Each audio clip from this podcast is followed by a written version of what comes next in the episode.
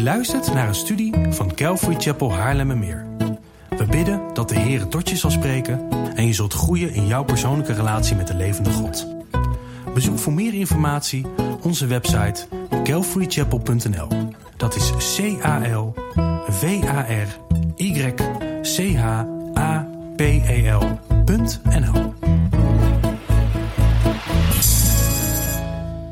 Sla alsjeblieft je Bijbel open op het prachtige Bijbelboek Romeinen. Um, Stan vroeg mij vanochtend, hoeveelste studie is dit eigenlijk? Dit is ondertussen de 36e studie in het Bijbelboek Romeinen. En um, om jullie gerust te stellen, we zijn nog niet op de helft. Dus um, het duurt nog eventjes voordat we bij het einde zijn.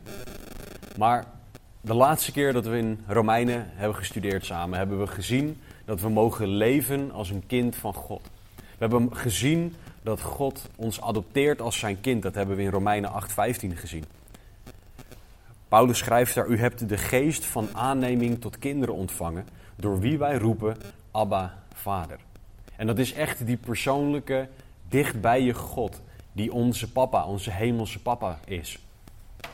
Die papa bij wie je op schoot mag kruipen als je wijsheid nodig hebt, als je gewoon zijn liefde nodig hebt. Dat is wie onze hemelse vader is. En dat is voor iedereen die gelooft dat Jezus Gods zoon is. Dat is voor wie deze zegen is om te kunnen leven als een kind van God. En Paulus is een hele hoop aan het uitleggen in de Romeinenbrief. En onder andere in Romeinen 8 is hij heiliging vanuit Gods perspectief aan het uitleggen. Heiliging is het proces van dat je meer op Jezus gaat lijken. En onderdeel van dat heiligingsproces is dat je inziet als christen dat jij dus een kind van God bent. Onderdeel van dat proces is dat jij keuzes gaat maken die overeenkomen met wie Jezus is. Het meer op Jezus Christus gaan lijken. Maar vandaag wil ik met, met jullie naar iets kijken wat ook onderdeel is van het christen zijn. Alleen wat een stuk minder leuk is dan de wetenschap dat we Gods kinderen zijn. Ik wil vanochtend met jullie kijken naar wat een bijbels perspectief op lijden is. En dan niet lijden met een korte ei, dus dat jij de leider bent. Iemand die een groep leidt. Nee, lijden met een lange ei. Wat betekent minder leuke situaties.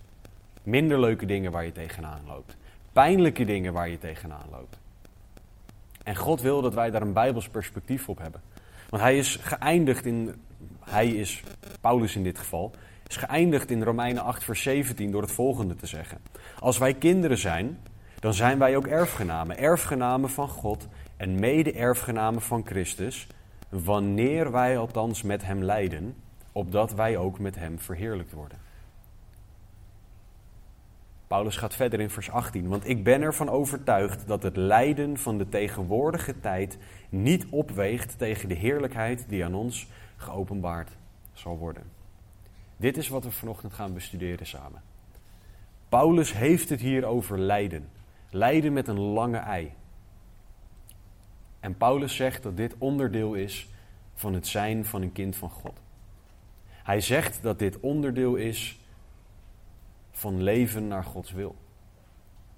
Hij laat zien dat dit onderdeel is van het christen zijn, van het heiligingsproces. Jezus zei in Johannes 16, vers 33: Deze dingen heb ik tot u gesproken, opdat u in mij vrede zult hebben. In de wereld zult u verdrukking hebben, maar heb goede moed, ik heb de wereld overwonnen. Jezus focust zich hier op één aspect van lijden, namelijk verdrukking.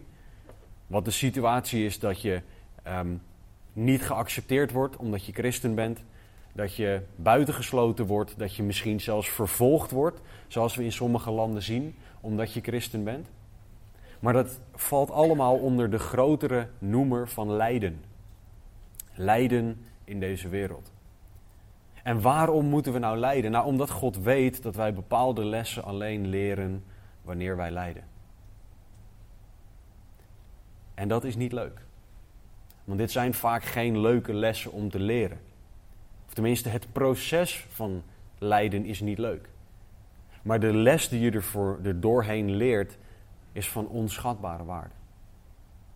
Want we hebben gezien dat Jezus ook onnoemelijk veel geleden heeft in zijn leven op aarde. En als wij als Jezus willen zijn, hoe kunnen wij dan als Jezus zijn, maar wel zeggen: ja, maar ik wil alleen wel de leuke dingen. Ik wil niet alles meemaken wat u meegemaakt hebt, Jezus. Ik wil wel zijn als u, maar dan wil ik kiezen wat de dingen zijn waarin ik ben als u. In plaats van dat ik ben zoals u, zoals u bepaalt. Lijden hoort bij het leven. Een mens die nooit lijdt in dit leven is een mens die volgens mij niet echt leeft. Want er is zoveel wat op je afkomt. Al is het maar dat je tijdens het klussen met een hamer op je duim slaat. Dat is al lijden. En dat is niet het lijden waar Paulus het over heeft, voor de duidelijkheid. Al moet je nog steeds juist reageren wanneer je op je, op je duim slaat. Maar iedereen in dit leven komt lijden tegen. Maar de vraag is, wat is een juist perspectief van omgaan met lijden? Wat is een bijbels perspectief op lijden? En wat Paulus hier bevestigt in Romeinen 8, vers 18, is dat lijden echt is. En dat lijden reëel is. En dat lijden pijnlijk is. Het is iets van dit leven. En omdat het iets is dat bij het leven hoort, wil Paulus dat we weten hoe hiermee om te gaan. Hij wil dat we weten hoe hier juist op te reageren. En lijden komt echt in allerlei vormen en in allerlei manieren als onderdeel van dit leven. En het lastige is dat er sommige christenen zijn, mensen die zichzelf christen noemen, die zeggen dat een christen alleen maar rijkdom hoort te hebben. Alleen maar goede dingen hoort mee te maken. Alleen maar gezond hoort te zijn. En dat als jij lastige en pijnlijke dingen meemaakt, dat jij geen goed christen bent. Of dat je dan niet genoeg geloof hebt. Of dat je dan niet genoeg positieve dingen de wereld inspreekt. Of dat jij te negatief denkt. Voor de duidelijkheid, de Bijbel zegt dat dat leugens zijn.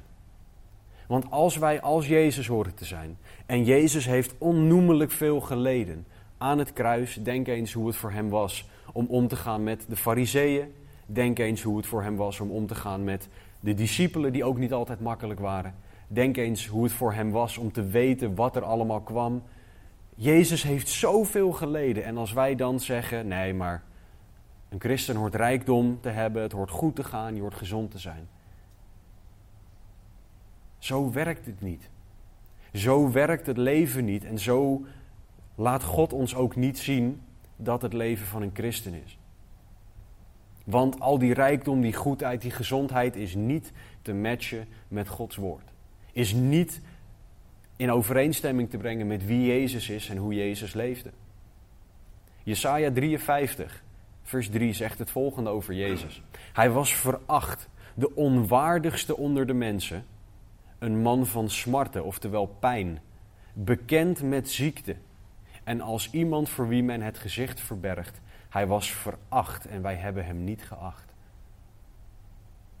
Als dat is wat er over Jezus geschreven staat, hoe durven wij dan te zeggen dat in dit leven we alleen maar rijkdom, goedheid, gezondheid en fantastische dingen horen mee te maken?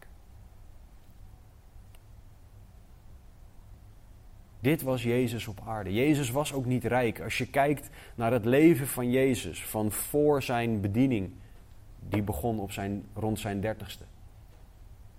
Als je dan kijkt naar de offers die er gebracht werden door zijn ouders, dan was Jezus een familie straatarm. Jezus die had alle rijkdom die er in het universum was, toen hij in de hemel was. En hij legde alles af om naar de aarde te komen. Hij legde alle rijkdom af om arm te zijn. Jezus weet hoe het is om arm op te groeien. Jezus weet hoe het is om verkeerd begrepen te worden. Zijn eigen familie geloofde niet in hem. Er staat op een gegeven moment dat zijn familie, zijn broers en zijn zussen hem kwamen halen omdat ze dachten dat hij gek was. Jezus liep rond in een tijd waarin de Romeinen regeerden. Hoe vaak is Jezus misschien wel niet apart genomen door de Romeinen? Dat weten we niet, omdat het er niet staat. Maar misschien is het wel gebeurd. We hebben geen idee van het lijden dat Jezus heeft meegemaakt. En de Bijbelcommentatoren zijn het er wel redelijk over eens dat Jezus waarschijnlijk zonder aardse vader vanaf een bepaalde leeftijd is opgegroeid. Want we lezen nergens vanaf zijn dertigste dat Jezus zijn vader er nog was, Jozef. We weten dat Jezus broers en zussen had, dus er was een tijd dat zijn vader er was, maar Jezus was op een gegeven moment was zijn vader kwijt. Hij was arm, hij was niet begrepen, hij weet wat lijden en wat pijn is. Dat is de Jezus die wij volgen, want we hebben soms een soort verheven beeld over Jezus, en dat is goed, want Jezus is ook verheven. Maar op aarde was hij een mens. Een mens zoals jij, u en ik. Een mens die alles heeft meegemaakt, wat er maar mee te maken valt. En dat lijden is waar Paulus het over heeft als hij zegt: Ik ben ervan overtuigd dat het lijden van de tegenwoordige tijd niet opweegt tegen de heerlijkheid die aan ons geopenbaard zal worden. Het lijden van de tegenwoordige tijd, het, het lijden van nu. Misschien ga jij wel door lijden heen, door iets moeilijks, door iets pijnlijks, iets ingewikkelds. Iets wat niemand anders begrijpt. Iets waar niemand zomaar begrip voor zou kunnen tonen. Pas ook op met de zin als iemand vertelt over zijn of haar pijn dat je zegt: Ja, ik begrijp het. Dat, we begrijpen het vaak niet. Of dat kan ik me voorstellen. Dat kunnen we ons niet altijd. Maar Jezus kan dat wel. Want Hij is ons in alles voorgegaan. Hij, is, hij heeft geleden voor ons. Laat geen mens jouw pijn aan de kant schuiven of minimaliseren, maar ga er juist mee naar Jezus. Want Jezus weet wat lijden is, weet wat pijn is.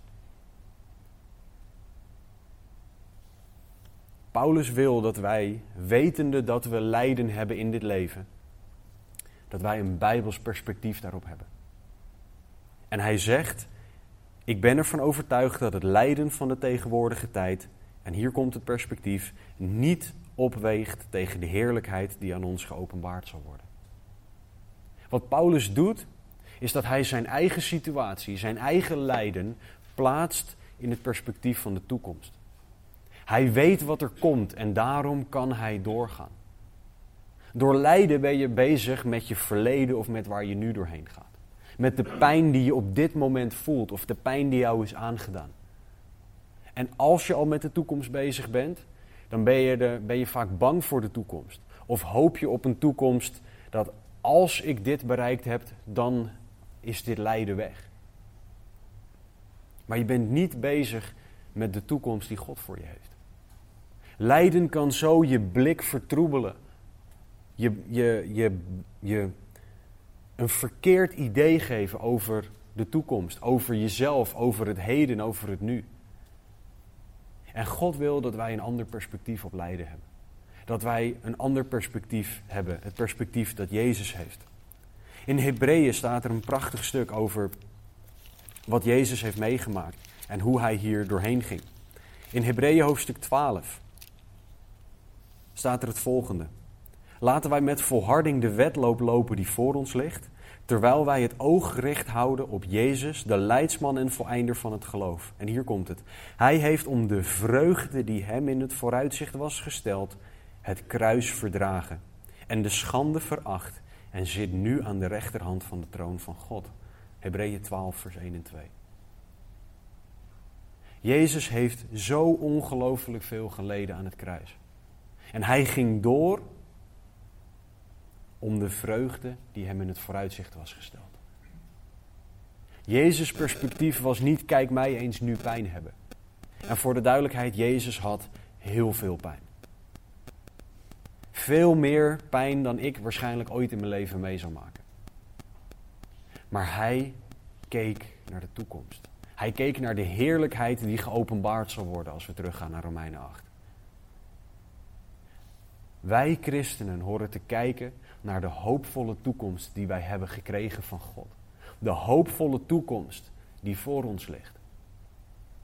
Want in het onvermijdelijke lijden van dit leven moeten wij leren om naar Jezus te kijken. Wij moeten leren dat er hoop is.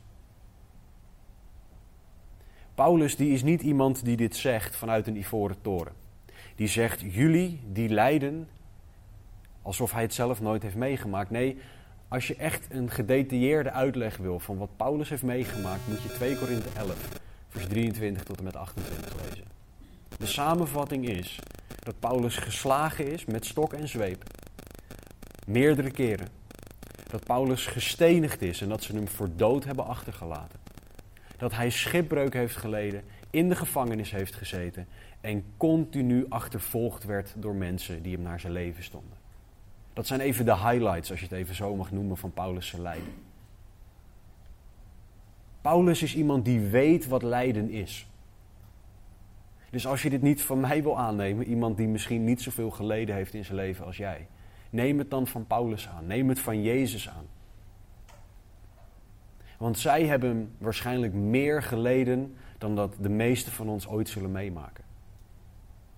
En zij willen ons leren, Jezus Christus zelf wil ons leren, God wil jou leren wat een Bijbels perspectief op het lijden is. En dat is door het in een eeuwig perspectief te plaatsen, het lijden dat je meemaakt. We horen ons lijden te zien als iets wat pijnlijk is en wat vervelend is en waar, waarover we het mogen uitschreeuwen naar de Heer. Maar waarvan we wel mogen weten dat het eindig is. En dat we een eeuwige toekomst bij God hebben. Dat we een eeuwige, fantastische, liefdevolle toekomst hebben. Hoopvolle toekomst bij God. En dat is wat onze reactie hoort te bepalen. Dat is wat onze manier van denken hoort te bepalen. Want als ons denken bepaald wordt door ons lijden, dan kom je heel snel uit bij zelfmedelijden. Dan kom je uit bij dingen gaan verdienen. Dan kom je uit bij allerlei dingen die God niet voor ons bedoeld heeft. We horen juist gericht te zijn op God. Gericht te zijn op Heer, u belooft zoveel beter. En dat is waar ik me aan vasthoud. Op die toekomst bij u. We horen ons lijden te zien in het licht van wie God is. En wat Hij ons als toekomst beloofd heeft. Dat is een Bijbels perspectief op lijden. Maar een hele terechte vraag in lijden. Een hele terechte vraag is: waar is God in mijn lijden? Waarom voorkomt God mijn lijden niet? Waarom overkomt mij dit? Als God almachtig is, waarom houdt Hij dit dan niet tegen? Allemaal van dat soort vragen. En het theoretische antwoord is: het is theoretisch, het is feitelijk juist, maar het zal je niet per se geruststellen. Is nogmaals, we moeten soms bepaalde lessen leren. Die we alleen leren door moeilijke en pijnlijke situaties. Ik weet dat is een, klinkt als een heel gevoelloos antwoord en daarom wil ik hier ook verder op ingaan. Maar je mag God altijd vragen in je lijden: Heer, wat mag ik hier doorheen leren? In mijn lijden, wat mag ik leren? Wat wilt u veranderen in mij? Want God wil dat lijden gebruiken om jou te veranderen. Een breder antwoord op de vraag waarom overkomt lijden ons en waar is God dan in ons lijden, is dat we in een zondige wereld leven. Vanaf het moment dat er in Genesis 3 gezondigd werd, was lijden een onvermijdelijk gevolg. Sorry. Lijden is een onvermijdelijk gevolg van de zondeval. Van een kapotte wereld. Van omgang tussen zondige mensen. Want wij zondaren gaan met elkaar om vanuit het perspectief dat wij graag willen krijgen wat wij willen hebben. En wij gaan met elkaar om vanuit het perspectief dat ik belangrijker ben dan jij. Dat is hoe mijn zonde mijn denken bepaalt. En dat zie je in deze wereld, in inkomensongelijkheid. Je ziet dat in de omgang tussen mensen. Je ziet dat de een rijk en de ander arm is. Je ziet dat de ene veel heeft en de ander niks. De een krijgt wel kansen en de ander niet. Dat zijn allemaal gevolgen van de zondeval. Dat zijn allemaal gevolgen van de omgang tussen zondige mensen. En zoveel van ons lijden komt door zondige mensen die zondig reageren. maar God. 2 Korinthe 1, vers 3 tot en met 5.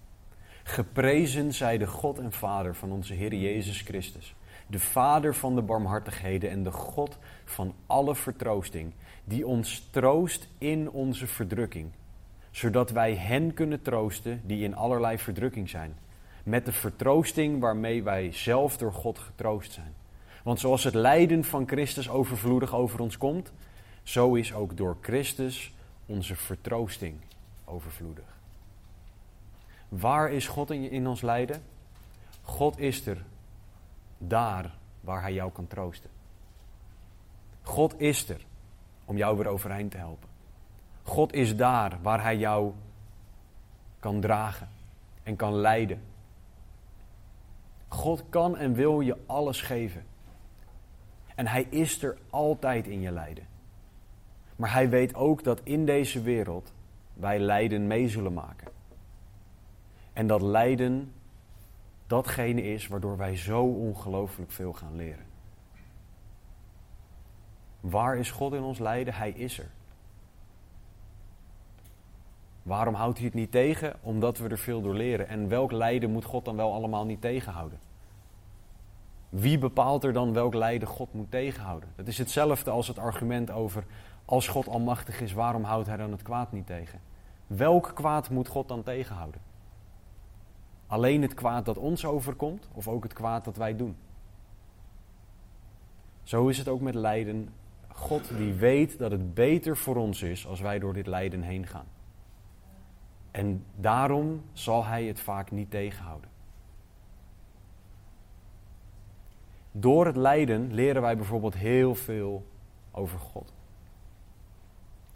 We leren bijvoorbeeld heel veel over hoop. In Romeinen 5, vers 3 tot en met 5 leren wij dit. En dit niet alleen, maar wij roemen ook in de verdrukkingen, in het lijden. Omdat wij weten dat de verdrukking volharding teweeg brengt. En de volharding ondervinding en de ondervinding hoop. En de hoop beschaamt niet. Omdat de liefde van God in onze harten uitgestort is door de Heilige Geest die ons gegeven is. Wij weten dat de verdrukking volharding teweeg brengt, de volharding ondervinding en de ondervinding hoop. Wat voor hoop is dit? Nou, hoop in God.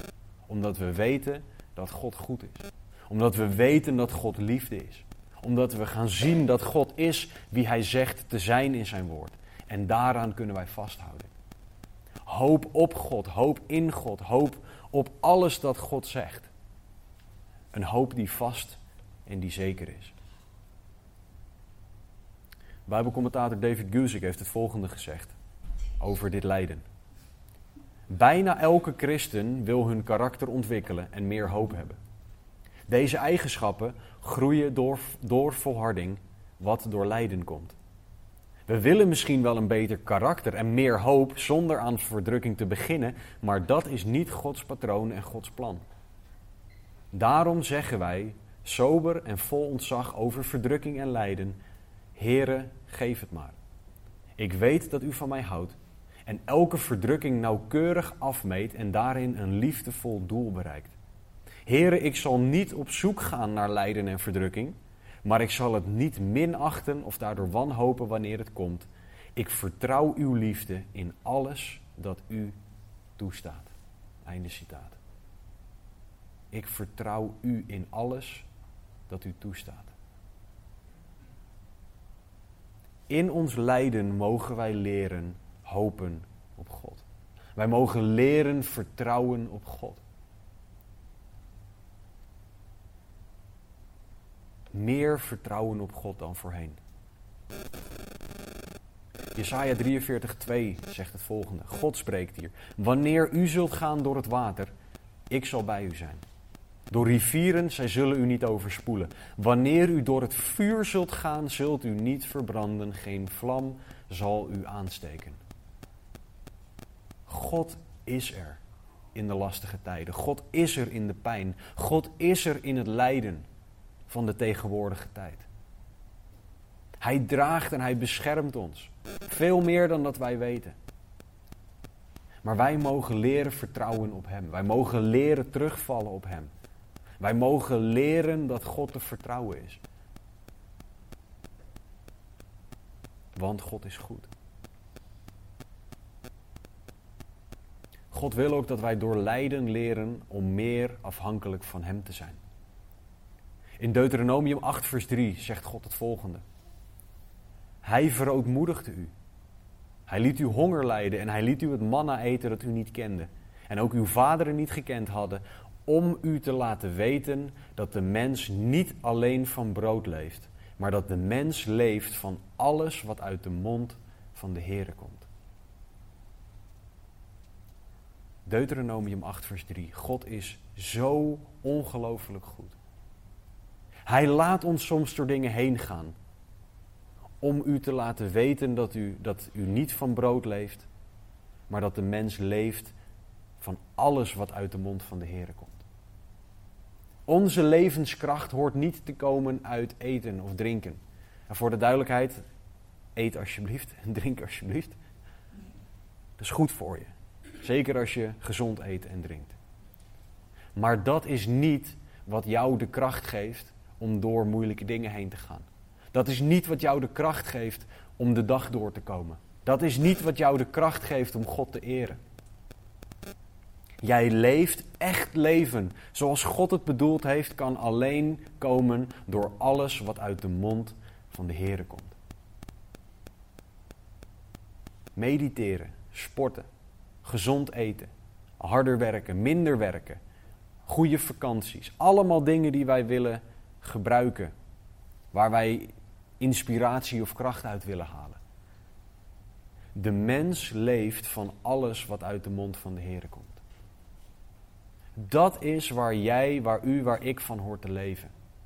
En zeker in tijd van lijden horen wij terug te vallen op alles wat uit de mond van de Heer komt. Zodat wij meer vertrouwen op God in het lijden van de tegenwoordige tijd. God wil dat wij deze lessen leren. En nogmaals, dit zijn geen leuke lessen om te leren in de zin van het proces is niet leuk.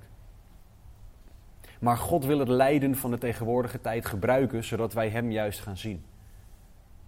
En zodat wij vooruit gaan kijken naar de heerlijkheid die ons geopenbaard wordt. Maar jij hebt hierin een keuze. Want als jij door lijden heen gaat en jij zegt: God, waarom? En daar blijf je in hangen. Of jij zegt: God, hoort u mij wel? Of maakt het u überhaupt uit dat ik lijd?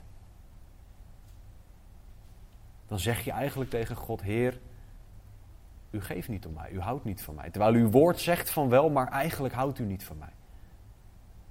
Als wij ons richten op onze pijn en op ons verdriet, die echt zijn, die er mogen zijn, die een plek hebben, maar als we daarop gericht zijn, zullen wij niet de lessen leren die wij moeten en mogen leren door het lijden heen. Die lessen leren we alleen als wij onze ogen richten op Jezus Christus. Als wij ervoor kiezen om door God veranderd te worden. In het lijden van de tegenwoordige tijd.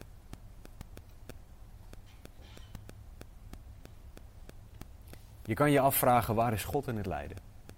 Maar een hele gerechtvaardigde vraag als christen is ook, ja, maar waar is de kerk in mijn lijden? Waar is de kerk in het lijden? Nou, als kerk zijn wij aan elkaar gegeven door God.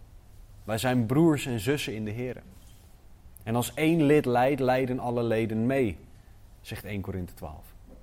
Dus lijden is iets waar de kerk iets mee moet. En voor de duidelijkheid, en dit wil ik echt heel erg duidelijk maken. Dit is dus iets voor jou om op te pakken richting een ander. Dit is niet iets voor jou om achterover te gaan zitten en te gaan verwachten van de kerk. Ik leid, dus de kerk moet nu naar mij toe komen om mij hierin te helpen. Dat is nergens wat God zegt. God roept ons juist op om naar de ander toe te gaan. Dus Gods oproep, Gods opdracht is niet in jouw lijden wacht op mensen die jou komen helpen. Nee, ga naar de ander toe en help de ander, ongeacht je eigen situatie. Nogmaals, 2 Korinthe 1, en dan nu alleen vers 3 en 4. Geprezen zij de God en Vader van onze Heer Jezus Christus, de Vader van de barmhartigheden en de God van alle vertroosting, die ons troost in al onze verdrukking. Dus waar is God? En hier komt het, zodat wij hen kunnen vertroosten die in allerlei verdrukking zijn. Waar is de kerk? met de vertroosting waarmee wij zelf door God getroost worden. Dus wat Paulus hier zegt, als je dit gaat ontleden, hij zegt wij, wij worden zelf door God getroost. God troost ons in ons lijden. Dus wij maken zelf lijden mee, waarin wij getroost worden door God. Maar die troost die wij van God krijgen, die moeten wij aan andere mensen uitdelen. De mensen in de gemeente, onze broers en zussen in de Heer, die mogen wij ondersteunen, mogen wij opbouwen, horen wij te helpen in, ons, in hun lijden. Alles wat wij hebben meegemaakt, wil God gebruiken richting een ander. Want zo uniek als dat jij denkt te zijn in je lijden, en dit bedoel ik echt niet vervelend. Maar zo uniek als dat jij denkt te zijn in je lijden, er is altijd iemand die ook op die manier lijdt. Die jij mag helpen met de troost die jij ontvangen hebt. Nogmaals, ik wil hiermee niks aan lijden bagatelliseren, minimaliseren, aan de kant schuiven of wat dan ook. Maar het lijden dat jij meemaakt, wil God gebruiken zodat jij een ander kan vertroosten. Maar dit vraagt iets van ons als gemeente. Dit vraagt dat wij open zijn, dat wij eerlijk zijn, dat wij onszelf blootgeven. Dat wij ons hart delen met elkaar, dat we onze pijn delen met elkaar. Dat we de moeilijke vragen stellen. Dat we moeite doen. Dat we niet met z'n allen op zondagochtend zeggen: hoe gaat het goed? Want het kan statistisch gezien niet dat het met iedereen die je spreekt goed gaat. Want als Paulus het heeft over het lijden van de tegenwoordige tijd, dan is er altijd wel iemand die lijdt. Maar zijn wij zo open dat we dat delen? Eén, dat we dus delen dat we lijden. En twee, zijn wij dan open genoeg om te delen over wat God in ons gedaan heeft toen wij door lijden heen gingen. Of wat God nu in ons doet in ons huidige lijden. Christen, kan jij je kwetsbaar opstellen? Of durf je dat niet? Als broeders en zusters horen wij onszelf kwetsbaar op te durven stellen. Want we zijn één familie in Christus. Omdat je met zondaren te maken hebt, moet ik wel deze kanttekening plaatsen. Het kan zijn dat jij je kwetsbaar opstelt naar de ander en dat de ander dat niet waardeert. Of dat de ander negatief reageert in jouw ogen. Of dat de ander niet reageert zoals jij dat wil. De vraag is dan, ga jij daarmee om op een goderende manier? Of ga je daarmee om met, nou kijk, dat is de kerk, laat maar zitten. De kerk doet alleen maar mensen pijn, het is klaar nu. Het is heel bijzonder hoe wij willen dat God ons alle genade geeft die Hij heeft maar dat wij die genade niet uitdelen aan een ander. In de kerk hoort Gods liefde te regeren. Dus ook als jij jezelf kwetsbaar opstelt en de ander reageert niet zoals jij dat wil, blijf vanuit Gods liefde reageren. Blijf de ander een bijbels perspectief op lijden voorhouden. Waar is de kerk in lijden? Een van de opdrachten aan de kerk is Galaten 6, vers 2. Draag elkaars lasten en vervul zo de wet van Christus. We horen elkaar te ondersteunen, elkaar lief te hebben, elkaar te dragen in gebed. We horen tijd voor elkaar te maken, samen te praten, te luisteren. Je hebt twee oren en één mond. Dat betekent dat je twee keer zoveel zou moeten luisteren als dat je praat. Bij iemand die lijdt is het zo belangrijk dat je luistert. Dat je die persoon aanhoort dat je, je hoeft niet mee te gaan in de pijn, in de zin van dat je de ander bevestigt hoe zielig die ander misschien is. Maar luisteren is zo ongelooflijk belangrijk. Omdat iemand zich dan gehoord en geliefd voelt. Misschien moet je wel samen huilen. Vanwege de situatie. En dit is een keuze, hè?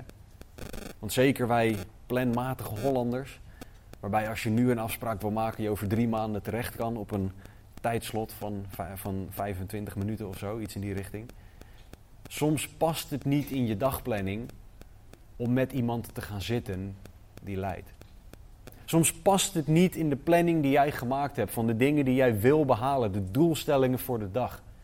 Maar het kan best zijn dat God jou wel wil gebruiken in het lijden van de ander. En ben jij dan bereid om God jouw planning te laten bepalen? En om er te zijn in het lijden van de ander? Of is jouw planning zo heilig dat die boven de heilige God staat? En daarmee boven je broers en je zussen. In Handelingen 28 zien we een prachtig effect van er voor elkaar zijn als kerk in Leiden. Paulus zit op dit moment, hij is een gevangene. Hij is onderweg naar Rome. Hij heeft schipbreuk geleden. Hij heeft het zwaar, want het kan niet makkelijk geweest zijn. Paulus was niet de jongste. Um, hij had een hoop meegemaakt. En in Handelingen 28, 15 staat het volgende. En daar vandaan kwamen de broeders, die van onze zaken gehoord hadden, ons tegemoet, tot Appiusmarkt en de drie tabernen. En toen Paulus hen zag, dankte hij God en vatte hij moed. Paulus vatte moed doordat hij zijn broeders zag. Doordat hij omgang had met christenen. En voor de duidelijkheid, ja, dit is de apostel Paulus die al die brieven geschreven heeft. Ja, dit is de apostel Paulus die zo krachtig door God gebruikt is. Hij had het nodig om bemoedigd te worden in zijn lijden door zijn broeders. En deze broeders, die reisden Paulus achterna. Dus die gingen lekker achterover zitten in hun auto met airconditioning en reden. Dat, nee, die gingen in een boot en die gingen lopen. En die spendeerden tijd en geld om Paulus te ontmoeten. Dus mag het jou iets kosten, christen, om je broers en zussen te helpen in hun lijden? Mag het jou iets kosten of mag God jou alleen gebruiken als jij als krenterige Hollander geen cent hoeft uit te geven? Of als de ander voor jou betaalt, wat helemaal erg is als iemand aan het lijden is. Dat jij de ander wil laten betalen. Onderdeel van het kerk zijn is tijd en ruimte maken voor het dienen van God en daarmee voor het dienen van elkaar in lijden. Waar is de kerk in lijden? Waar ben jij in het lijden van de ander? Maak jij keuzes om de ander te helpen in hun lijden? Of wil jij alleen maar dat jij geholpen wordt in jouw lijden?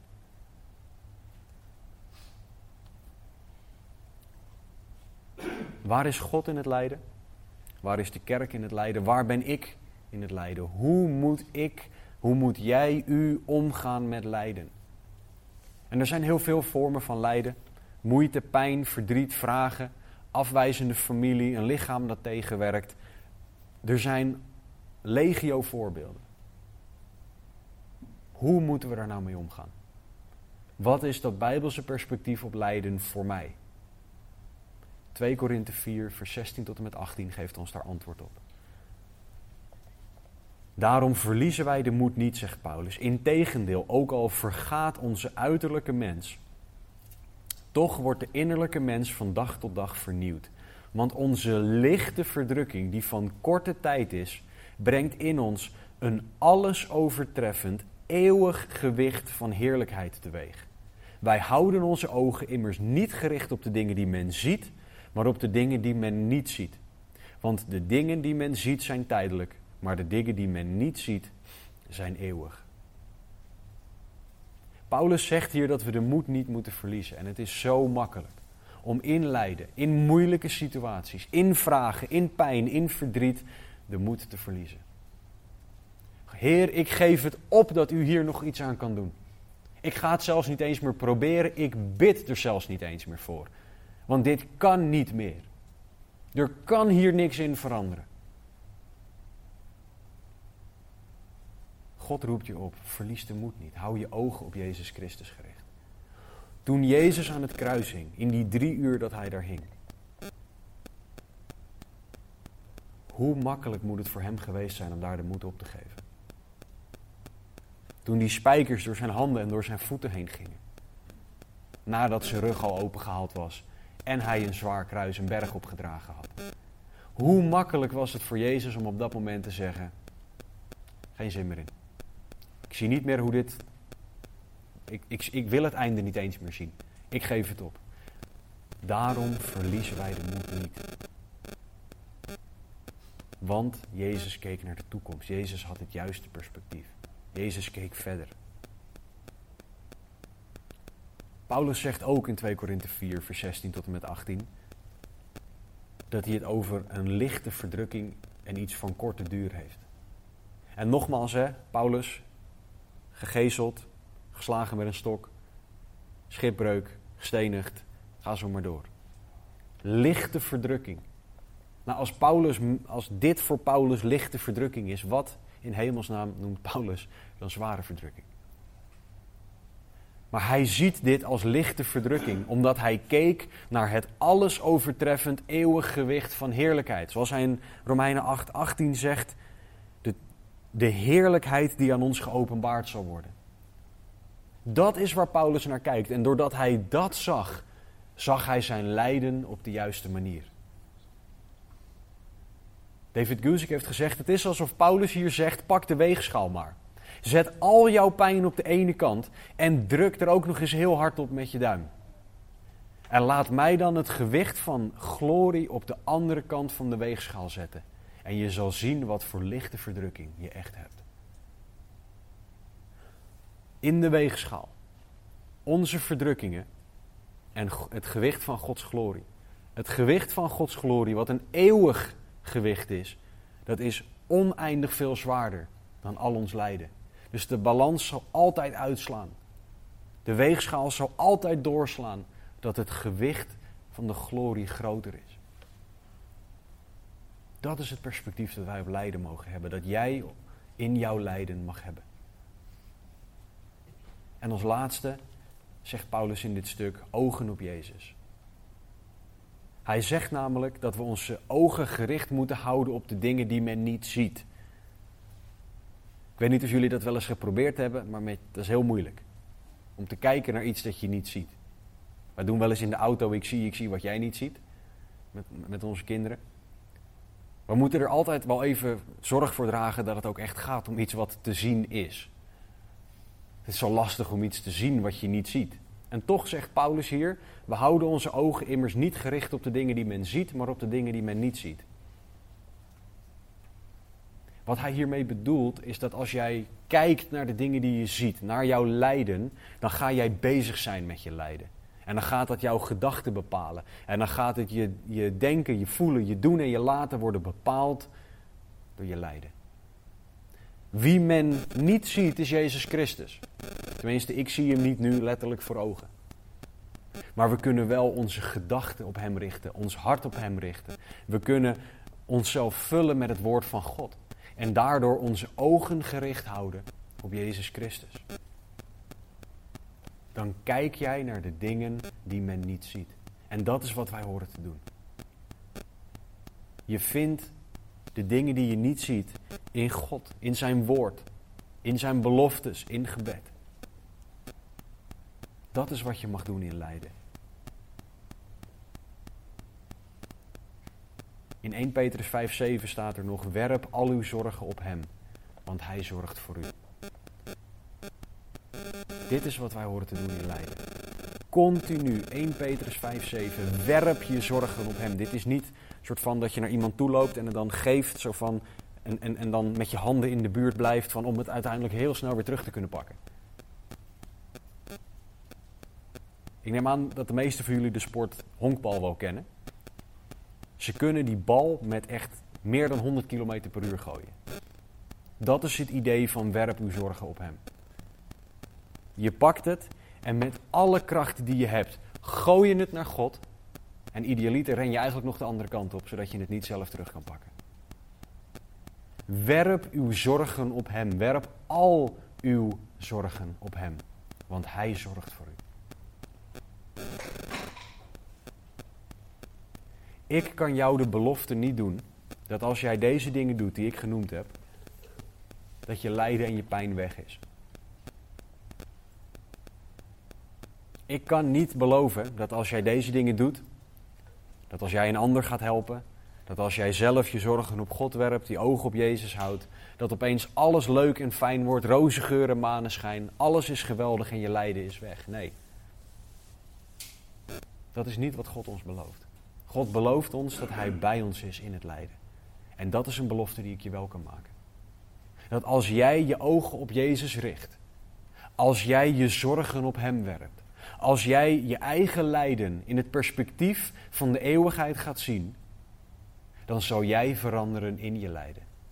En dan bereikt God zijn doel. Satan zegt, de vijand zegt, oh wacht even. Je bent nu aan het luisteren naar wat er in de Bijbel staat, maar je lijden is niet weg. Het is er nog. Het lijkt zelfs erger te worden. Ja, dan is het niet het juiste om te doen hoor.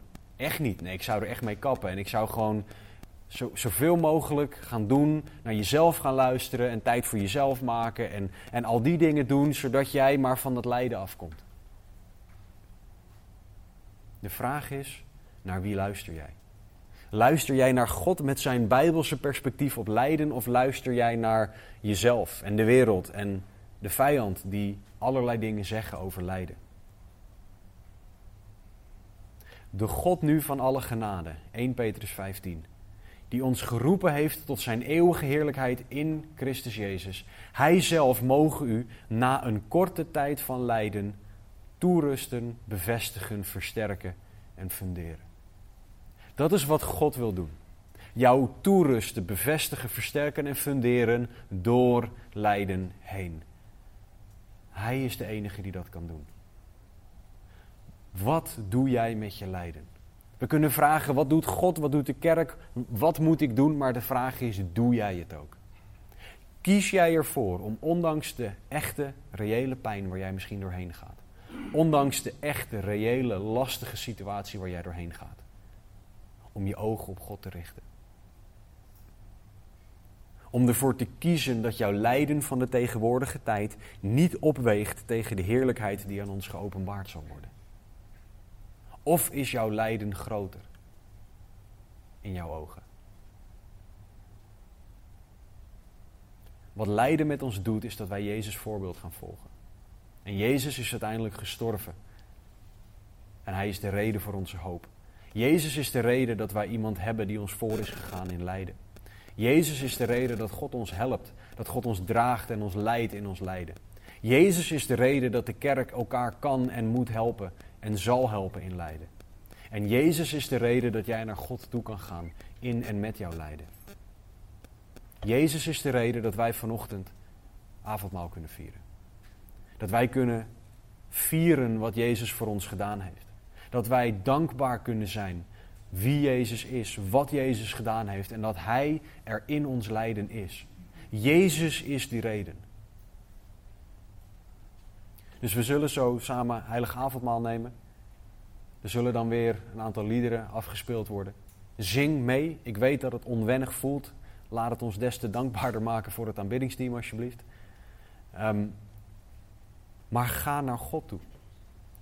Ga naar God toe met jouw lijden, met jouw pijn, met jouw vragen. Zodat jij bij God die, die troost kan ontvangen. Het avondmaal is voor iedereen die in Jezus Christus gelooft. Dat is onze enige regel, als je het zo mag noemen, want dat is wat de Bijbel geeft als reden. Vanochtend mogen we vieren dat Jezus dit voor ons gedaan heeft. En Jezus onderging zijn lijden voor jou en voor mij, omdat wij zondaren zijn die redding nodig hebben. Dus als jij nog niet gelooft, geloof vandaag. Als jij al wel gelooft, ga met jouw lijden, met jouw alles naar Jezus toe. Terwijl zij aten, nam Jezus het brood en toen hij het gezegend had, brak hij het en gaf het aan de discipelen en zei: Neem, eet, dit is mijn lichaam. Hij nam ook de drinkbeker en nadat hij gedankt had, gaf hij hun die. En zei: Drink allen daaruit, want dit is mijn bloed, het bloed van het nieuwe verbond, dat voor velen vergoten wordt tot vergeving van zonden. Ik zeg u dat ik van nu aan van de vrucht van de wijnstok niet zal drinken tot op de dag wanneer ik die met u nieuw zal drinken in het koninkrijk van mijn vader. En toen zij de lofzang gezongen hadden, vertrokken zij naar de olijfberg. Jezus wist wat voor lijden er hem te wachten stond en hij koos om God te aanbidden. Ik weet niet waar jij doorheen gaat, maar kies op dit moment om God te aanbidden. Als er nog dingen zijn die tussen jou en God instaan, zonde om te beleiden of iets anders, zet het recht En neem daarna, als jij gelooft in Jezus als zoon van God, van het avondmaal. Laten we bidden. Hemelse Vader, dank u wel. Dank u wel dat u goed bent.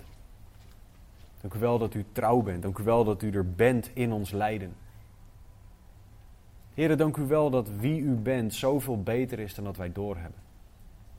En heren, dank u wel dat u ons nooit in de steek laat. Heren, u kent en ieder die hier zit. U weet waar iedereen doorheen gaat. U weet welke vragen en pijn en moeite en vreugde en lofprijs en aanbidding er in onze harten zit. Maar heren, leer ons alstublieft met het onvermijdelijke lijden dat we in deze wereld tegen gaan komen. Om daarin bijbelse keuzes te maken. Om daarin keuzes te maken die u eren. Heren, doe wonderen alstublieft. Spreek op dit moment tot ieders hart. Heren, als er hier mensen zijn die nog niet geloven, overtuig ze alstublieft. Van wie u bent, van uw offer, van uw genade. Heren, als er mensen zijn die hier lijden, breng ze terug bij uzelf. Heren, want u hebt beloofd dat dit onze toekomst is. God zal alle tranen van hun ogen afwissen. En de dood zal er niet meer zijn.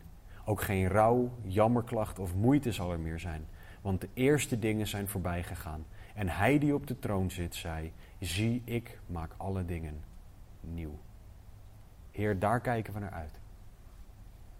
Dat is de hoopvolle toekomst waar we naar uitkijken. Heer, spreek alstublieft vanochtend. Raak een ieder aan en doe wonderen alstublieft. Vragen we in uw almachtige naam, in Jezus' naam. Amen.